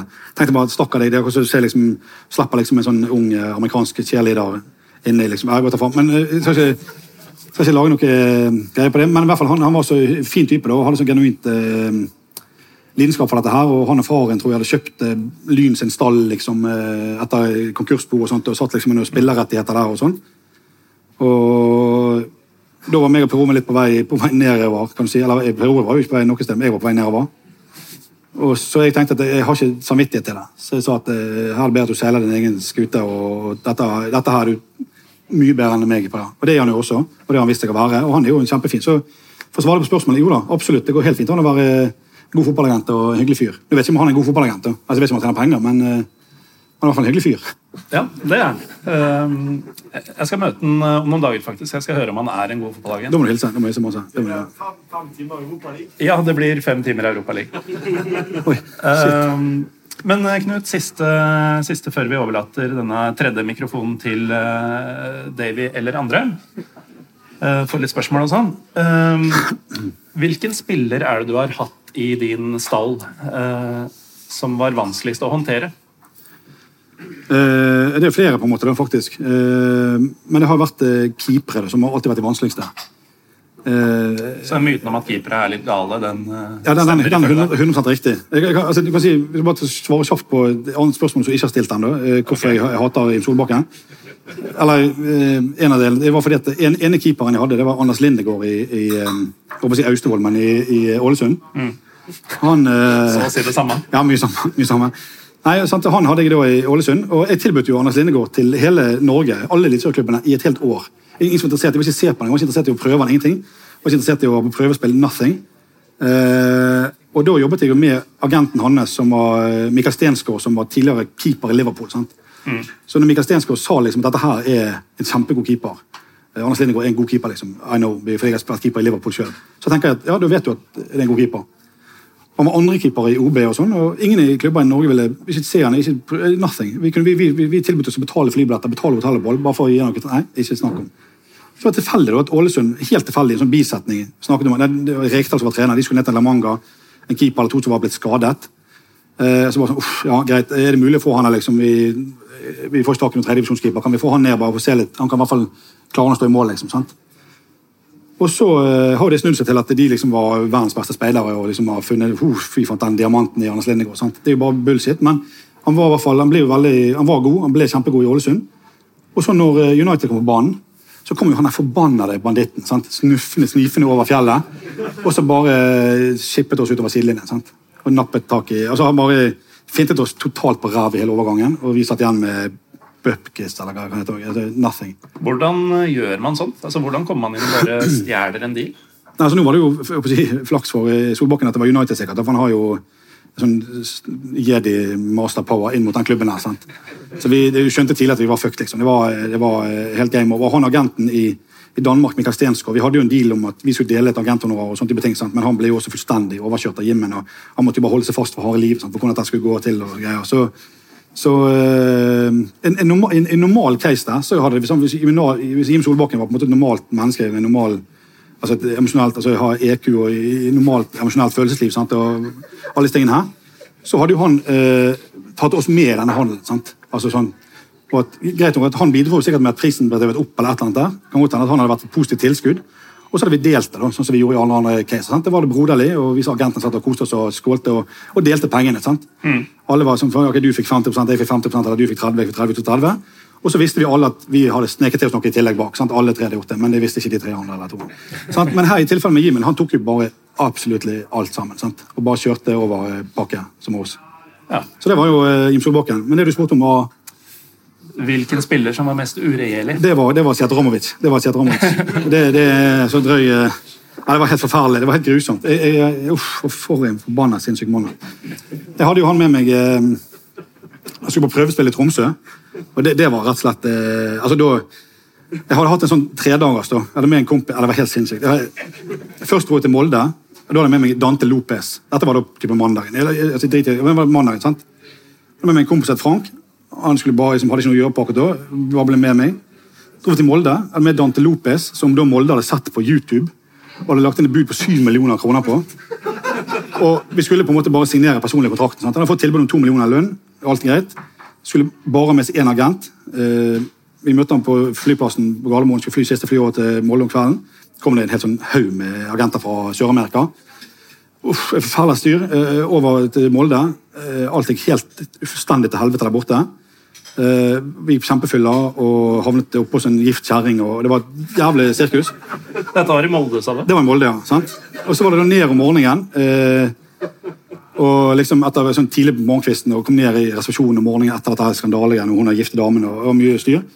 Og så da var det første siden i Romsdal sant? Katastrofe. altså Bare tull med han her Dante Lopez og, og greier. Og eh, hele pakken der. Og så og så eh, gikk det til helvete. Det var kjempekjipt. sant? Og heldigvis var det bare på en måte meg det gikk utover da. Det var ikke Per Ovin i bildet. Så dro jeg til eh, Oslo med jernkompisen Franken. skulle vi til Hamar og snakke med Truls Håkonsen om eh, en albansk spiller. I- Det var greit, Så stakk vi og lånte bil til min far. eh, Kjørte opp og fisket litt den dagen, bare for å prøve å liksom, roe nervene. Sant? Og møtte Truls Håkonsen, og ja da, han skulle ha en spiller på prøvespill. Sjekket inn på et sånt eh, merkelig hotellrom i Hamar. en sånn Lionel Richie-suite. Det var en suite som Lionel Richie hadde fått laget til seg i forbindelse med konserter på 80-tallet. eller noe Som var helt sånn sinnssykt spesiell, med masse pastellfarger og hele sånne greier. Våkna da om morgenen der da med det var sånn dobbeltseng, altså to senger som var satt sammen, da, så det var sånn spor imellom. Og så, og så uh, våknet det at det lå, han kompisen min lå der med en dame der, og så lå det en stor sykkel mellom sengene. sant? Og der, Vi hadde gått på kjempesmell da òg. Og så var det da skulle vi møte Sead Ramovic da, på Gardermoen og skulle fly han opp til Tromsø og ha, og ha prøvespill der. det var et av de to andre greiene. Og så kommer han da på Gardermoen, heldigvis alene, sånn som vi hadde avtalt. Uh, dette her er jo selvfølgelig bare noe ikke han kom noe for, men han stammer jo så, så, han stammer så grådig at du, det er nesten umulig å få med seg hva han sier. Altså, hvis han er stresset, så stammer han veldig. Sant? Og Det er jo selvfølgelig ikke noe han kan gjøre noe for. Men det ble liksom bare, det var sånn stressende, for jeg tenkte bare, jeg er nødt til å ha en win. Må, nå må det gå bra, dette på en eller annen måte. Jeg må få en, dette må gå bra, sant? Jeg tenkte bare, uff, hva, hva er det som, hva er det? For det var en tysk, eh, kollega, altså, en tysk agent som hadde sendt meg hånda og sa at dette var en god keeper. Han spilte jo på Borussia München-Dalbach, så han måtte jo ha et eller annet. I hvert fall så var han jo utrolig kul. Han var kjempekul og kjempegøyal og helt super. Hadde han med seg en, en sånne, liten sånn håndholdt DVD-spiller med TV-skjerm på. Så han hadde laget en skrytevideo av seg sjøl. Og det var jo helt perfekt. Sant? Så vi dro opp der. Eh, veldig morsom fyr. Eh, stakk bort på Alfheim Steinar Nilsen, eh, var sportsdirektør da. Og så eh, skulle vi på trening. Satt oss opp på tribunen, meg og Steinar. Og De spilte 11 mot 11 da, for å kunne se liksom, hvordan han så ut som en keeper i 11 mot 11 på, på Alfheim der. Og liksom banemannskapet liksom, som gikk rundt der og kjekk og sånne greier. Og, og de, jo ganske, de skriker jo og skråler mye oppe i Tromsø. Sant? Men da, eh, det første som skjedde, da, det var når, liksom, treneren blåste i gang kampen, så mener da Seaten at uh, fireren står litt for langt nærme. Så roper han alt han kan på tysk. Raus! Sant? Roper han til alle. Det er liksom første de hører av en prøvespiller. Sant? Som normalt kanskje er litt, normalt er prøvespilleren litt sånn tilbakeholden kanskje de første fem-ti minuttene. Sendte og smelte og hev vannflasker, var helt forbanna bajas. Hylte og skrek så få de ut. Og så hadde jeg med denne DVD-en opp på tribunen og, og viste det til Stein Nilsen mens vi satt og så på dette. På utspillelse på banen. Og, så da sa han, jeg tror at det var, det ikke mange minutter, fire-fem minutter, sånn, vi gikk bare rett inn, på, rett inn og begynne å skrive papirer. For det var egentlig bare et lån. Jeg skulle bare låne han ut sesongen. Så det var jo helt tipp topp og kjempegreier. Og han var jo overkvalifisert for å spille på Tromsø sant? og kjempemessig. Men så var han jo overkvalifisert å på en måte få lov til å leve. Sant? For han var jo sinnssyk, hele mannen. Altså, det var, altså, altså, jeg- altså, det begynte med at eh, jeg kom hjem da, vi gikk jo på en solid fyllekule der oppe, da, og han Franken. Og det, det står i boken, så kan jeg bare si det. Det endte opp med at vi hadde to damer på rommet. En, begge hadde mensen. og det, det, så faktisk, altså, det så faktisk ikke klokt ut. på, på altså, Det var oppe etter vegger, det var på vinduet. Det hang en, en jævla tampong på ene vinduet. Og, og dette, dette, dette hotellrommet sto jo Steinar Nilsen sitt navn. sant? Og jeg har noen bilder i hodet av denne fjernsynsapparatet. og noe greier. Og Det var mye, mye opplegg som skjedde på det hotellrommet. Og angsten hadde jo nå bygget seg opp. Sant? Det var jo, de, det var jo flere dager sant? helt siden Molde. Det var jo helt enorm angst. som Det var litt av en uke. Det er helt forferdelig. Men, men, men, jeg, men jeg hadde jo tord å gå på fylla fordi at jeg visste at nå var alle kontrakter signert. Uh, det tok jo mange mange timer oppe på Alfheim for å få signert den kontrakten. fordi hver gang vi signerte, så kom Seat med en ny ting. Han skulle ha sokker, han skulle ha keeper, han skulle, ha ditt, han skulle ha datt, han skulle ha whatever. Det var så mye greier. Så når det til slutt på en måte var signert, så var jo alle sikre på at denne er signert ferdig. De hadde jo byttet blekk i printeren, de hadde jo kjøpt papir. Det var, liksom, det var, det var så mye versjoner av den kontrakten at uh, til slutt når den var signert, så måtte den være signert. I hvert fall, Det første som skjer om morgenen, er våkner da, med alt dette her, de her buruglene liggende ved siden av blødene. Sant? Og alt det greiene der. Så ringer Steinar Nilsen og sier at Seat har ringt og sagt at han skulle jo ha gratis leilighet da, sant? i tillegg. Så det sa jo Steinar, du kan bare be han reise, pakke saken, stikke til helvete og bare kjøre og gå. Dette gidder vi ikke mer, nå er det nok. Så da måtte jeg på en måte på jobb igjen. sant? Og så var det sånn at Før jeg hadde møtt disse her damene, eller det var faktisk ikke meg som fant de her damene, det var han kompisen min igjen, forbanna svinet, så hadde jeg møtt en annen dame da, på byen i Tromsø. Skikkelig deilig dame. Superdeilig dame. Så hadde vist meg masse oppmerksomhet. Jeg var jo helt med. sant? Og fått telefonnummer og greier og sånn. Og eh, så hadde jeg snakket med hun faktisk om natten da, om at hun hadde en leilighet eller noe sånn i kjeller, i forbindelse med Seaten. Så jeg tenkte ok, nå ringer jeg til hun, hører, har du den leiligheten? Ja, det hadde hun. Skulle få den for billig penger. Om han sier at hun kunne bo der bare litt, liksom, bare sånn. Så tenkte jeg, enten får jeg betale på min kappe, eller så får jeg prøve få Tromsø til å betale. liksom. For han, han, han hadde sett på en leilighet på Finn til sånn 25 000 i måneden. sånn. Det var sånn helt crazy. Så jeg, tror det var 2500 skulle hun ha. da. Og det viste seg at det var jo bare et rom liksom, i, hjemme hos henne. Og, og det endte med at, Så jeg tenkte ok, nydelig, han flytta inn der. Supert, perfekt, alt i hånd. Kos. Kjempemessig. Og så eh, reiser jeg da til, eh, til hjem igjen. Legger meg til å sove, slår telefonen, hiver den i veggen. whatever, Helt knust. Våkner om morgenen av sånn Jeg hadde ikke slått av telefonen, for jeg hadde jo en haug med ubesvarte anrop. Og det var jo fra hun og fra Seat. Og jeg skal fra Tromsø og alt mulig. Fyllesyk igjen. Og så tenker jeg jeg ringer til hun først. Fordi hun har så ubeskrivelig mange ubesvarte anrop. Og da sier hun Det første hun sier da, 'Se at jeg har voldtatt meg. sant? Det er bare åpnet med det. Okay. Så da kan tenke deg at eh, det var jo ikke sant, da, på en måte, eh, uten at jeg er verken dommer eller eh, jury, men, men det var liksom det det åpnet med. Så kan tenke deg den uken der, og når du spør om hva spiller som er mest gale, så ja, ser Dramovic uten eh, sidestykke. Altså. Og dette var bare begynnelsen. Du kan si Han eskalerte derfra ut. Ja, Dette var omtrent første gang vi møttes. Jan. Ja, Ja. Så det, og det tok bare, det, tok, det bare altså det var så mye greier at uh, det var hunder, det var kvinnfot, det var spagetti altså Det var så mye historie med den mannen der. Det var så mange filer på den datamaskinen som ikke tålte hverken natt eller dagslyss. Så, så, uh, men i hvert fall når du våkner og får den telefonen der, så, så var ikke det så kjekt. Så det, det er syk historie da, som også kommer i boken, er at jeg endte opp med å bli sammen med den av damene. Men, men ja, sant, nå får jeg det blikket fra David igjen. Sant? Og, det, og det, hun hadde jo både Per Ove og, og Kjetil Knutsen og og Robert Hauge hadde jo møtt hun damen etterpå i forbindelse med en kamp, eh, sånn, eh, sånn her, um, Old Boys-kamp i Tromsø. Og sagt at hun der må du styre jævlig langt unna. Hun, hun er sinnssyk. Og det, det gikk jo som det gikk. Men i hvert fall. Så det, det var nå det. Det var nå det. Ja, Galen Sjert Ramovic. Ok. Da har jeg fått svar på det jeg lurte på, Knut Høybråten. Men uh, jeg tipper det er en del øh, løse tråder som uh, folk sitter og fikler med nå. Um, det ser ut som denne her har slått seg av igjen. Eller har den det? Ja, tror den lever. Nydelig.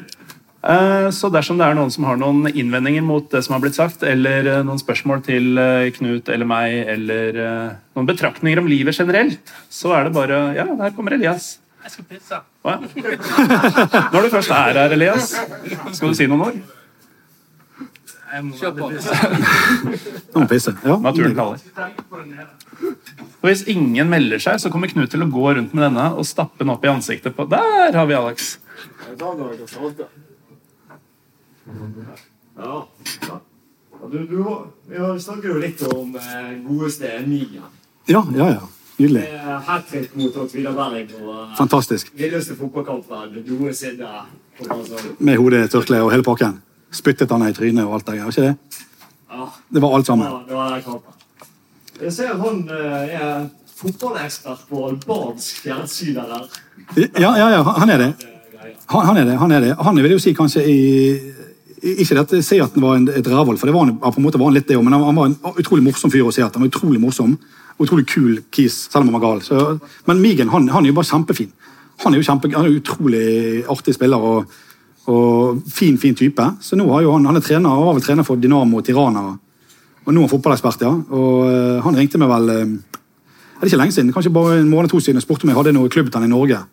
Type sånn eh, Obos, eh, Obos-liga eller sånn. Eller mindre, egentlig. Han kunne tenke seg å komme opp og trene fotballklubb. Så han, han eh, Jeg vet ikke, det er umulig å si, jeg har ikke sett han trene fotball, men han var jo i hvert fall som fotballspiller var han jo ekstremt dedikert. De sa jo Brann at han var den best trente, han var jo høyest spennende, raskest, han var jo, hadde best fysisk styrke, hele pakken. Han var jo mest eh, sånn hest på en måte på banen.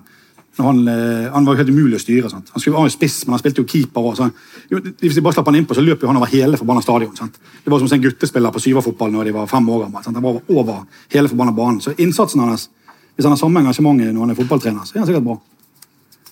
Jeg tror jeg svarte på spørsmålet jeg ikke stilte. Så, Jeg har opplevd det flere ganger i kveld. så når eh, Ladbroen forsvinner fra nasjonskap, så satser vi på Migen ut i Ågårdes. Ja, det var tøft. Det var faktisk en god plan. Det skulle faktisk, eh, kanskje vi skal ta eh, Det er litt crazy. Det går litt mot min egen filosofi om at gamle fotballspillere er gode trenere, men, men det er jo Migen, så la nå gi han en sjanse. Filosofien vel er vel først og fremst at det ikke nødvendigvis er gode trenere. De kan jo være. Ja, det er helt sant. Det er faktisk helt sant. Eh, og møbelarvinger. Og... Da kom en hånd, og det er fra selveste Nordlink. Eh, I boken din Ja. så har du et eh, kapittel Jeg, jeg er Moss-fan. eh, Ja. Hvor du snakker om en kamp mellom Moss og Ålesund eh, som endte 5-2 var det? 5-3? Ja, noe i den sjangeren. Jeg var Ja, der, ja, og jeg ville bare glemme det. Hvor mye ligger egentlig i sånt når du får en liten sånn plutselig Ja, du tenker på kampfiksingen, sant? Som jeg fikk jo, jeg fikk jo eh, Eller hvor, kom, hvor, hvor får du høre sånt fra, egentlig? Nei, altså det, det var jo en ganske spesiell historie, akkurat det med, med den Ålesund-kampen. Ja. Fordi det, det var første gang jeg opplevde Jeg hadde hørt veldig mye om, om spillere som var involvert i kampfiksing, sånn i periferien. Men det var første gang jeg sjøl ble bedt om å være en del av det. Eller kunne være et brikke i det. på en måte. Og det var jo eh, i Albania. Så ble jeg eh, Det var han samme agenten som skaffet med Migen. som hadde, Vi sendte Migen på prøvespill uten å avtale med klubben. Sant? Så det vil si at dette var en agent som var supershady. En skikkelig langt på siden av loven. på å si. Så han, eh, han sa at det var en fyr som ville snakke med meg eh, i Durres, havneby i Albania. Ja da, Jeg ville ikke si hva han var som snakket med meg om det. Og når vi kom dit, så ville ikke han være med i møtet. Han bare sa at du må snakke med han, han sitter der ute. Og så satt han liksom utenfor strandrestauranten på et eget bord liksom ute i sanden på stranden. Skri, skriver mye om det der i boken og eh, snodige greier med hvordan han så ut. og sånn, det er greit nok det. Men i hvert fall, han, eh, lang historie kort, han sa at han eh, spurte om jeg kunne hjelpe han å, å, å fikse akkurat den kampen. For et sånn malaysisk eh, spillekonglomerat, hva heter det? Noe sånt, ja. Syndikat, syndikat, ja. Eh, hvor er det jeg skulle Jeg skulle få en koffert med 100 000 euro. Og hvor det på en måte, det var til meg å bruke sånn som jeg fant det best. Eh, men de måtte tape kampen med to mål eller et eller annet. Og hvordan jeg løste det, det ville opp til meg. Og så det ville det hvor mye penger jeg satt igjen med etterpå. da. Men da sa han til meg at eh, jeg husker ikke nøyaktig noe, men han sa noe sånn at, at i den ligaen der i Norge så, det, så pleier det å koste kanskje 100 000 kroner, 50 000 kroner for en forsvarsspiller, for en keeper, sånn type ting. Så hvis du har med deg en tre-fire spillere, i hvert fall tre, så klarer du det helt fint.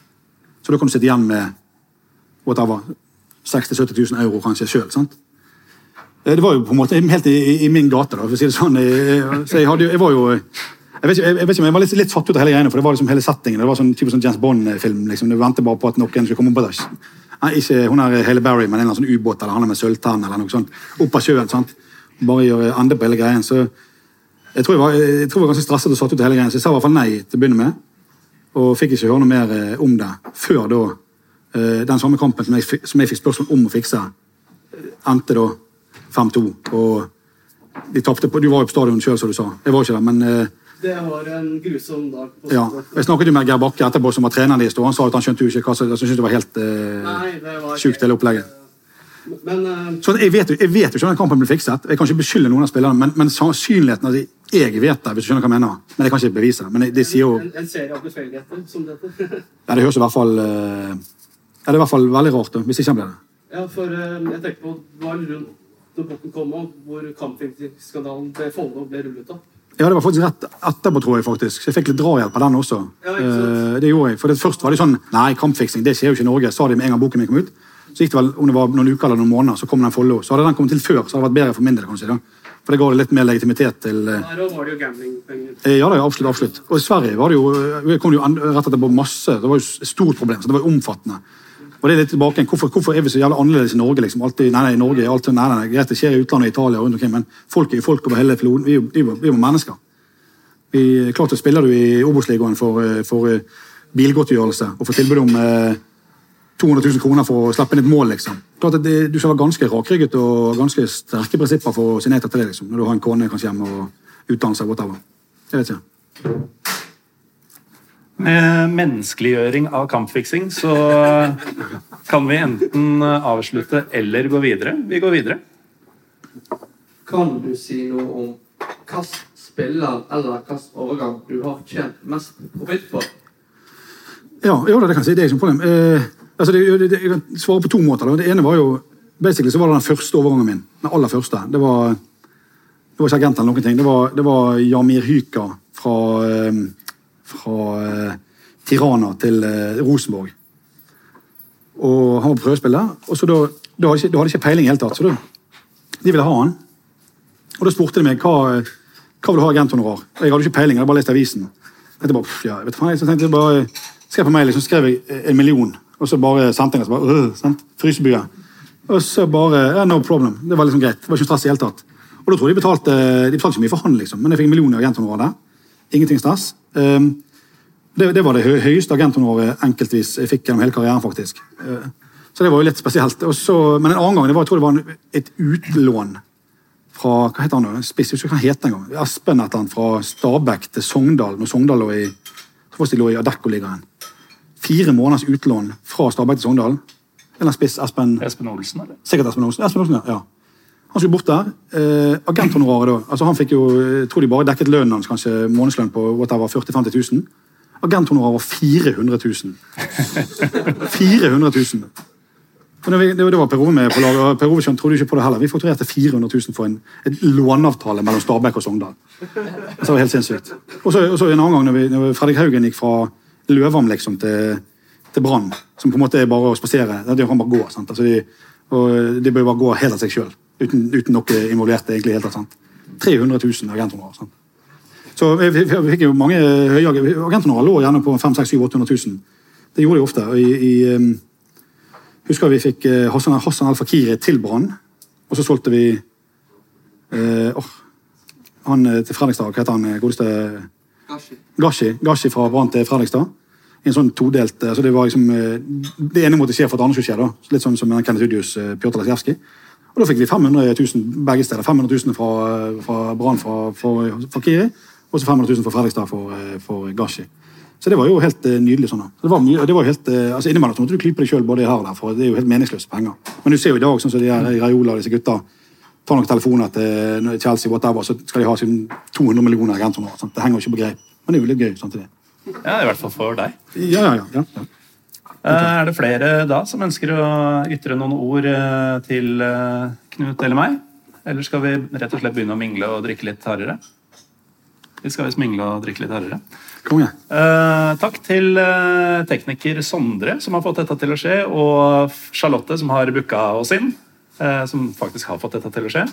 Takk til Knut Høybråten, som omsider eh, rakk innom før han skal ut og jakte. Takk, takk. takk, takk.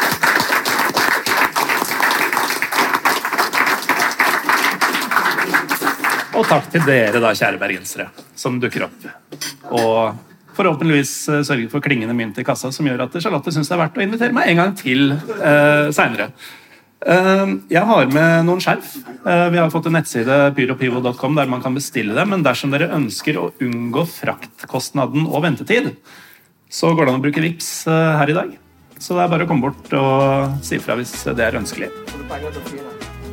Unnskyld? Penger til å fyre? Ikke sant? Da får jeg penger til å fyre. Eh, takk for oss.